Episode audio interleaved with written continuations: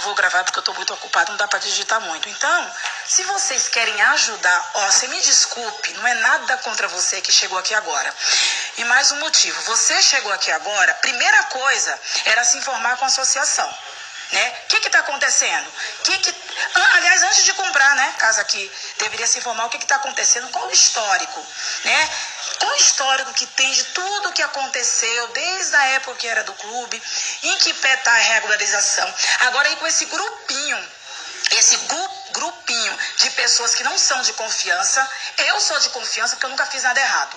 Agora, esse grupinho que não é de confiança, que veio agora na época de eleição para tumultuar, eu não vou perder meu tempo. Podem fazer o que vocês quiserem para reunião tumultuar. Eu já falei para doutor Williams.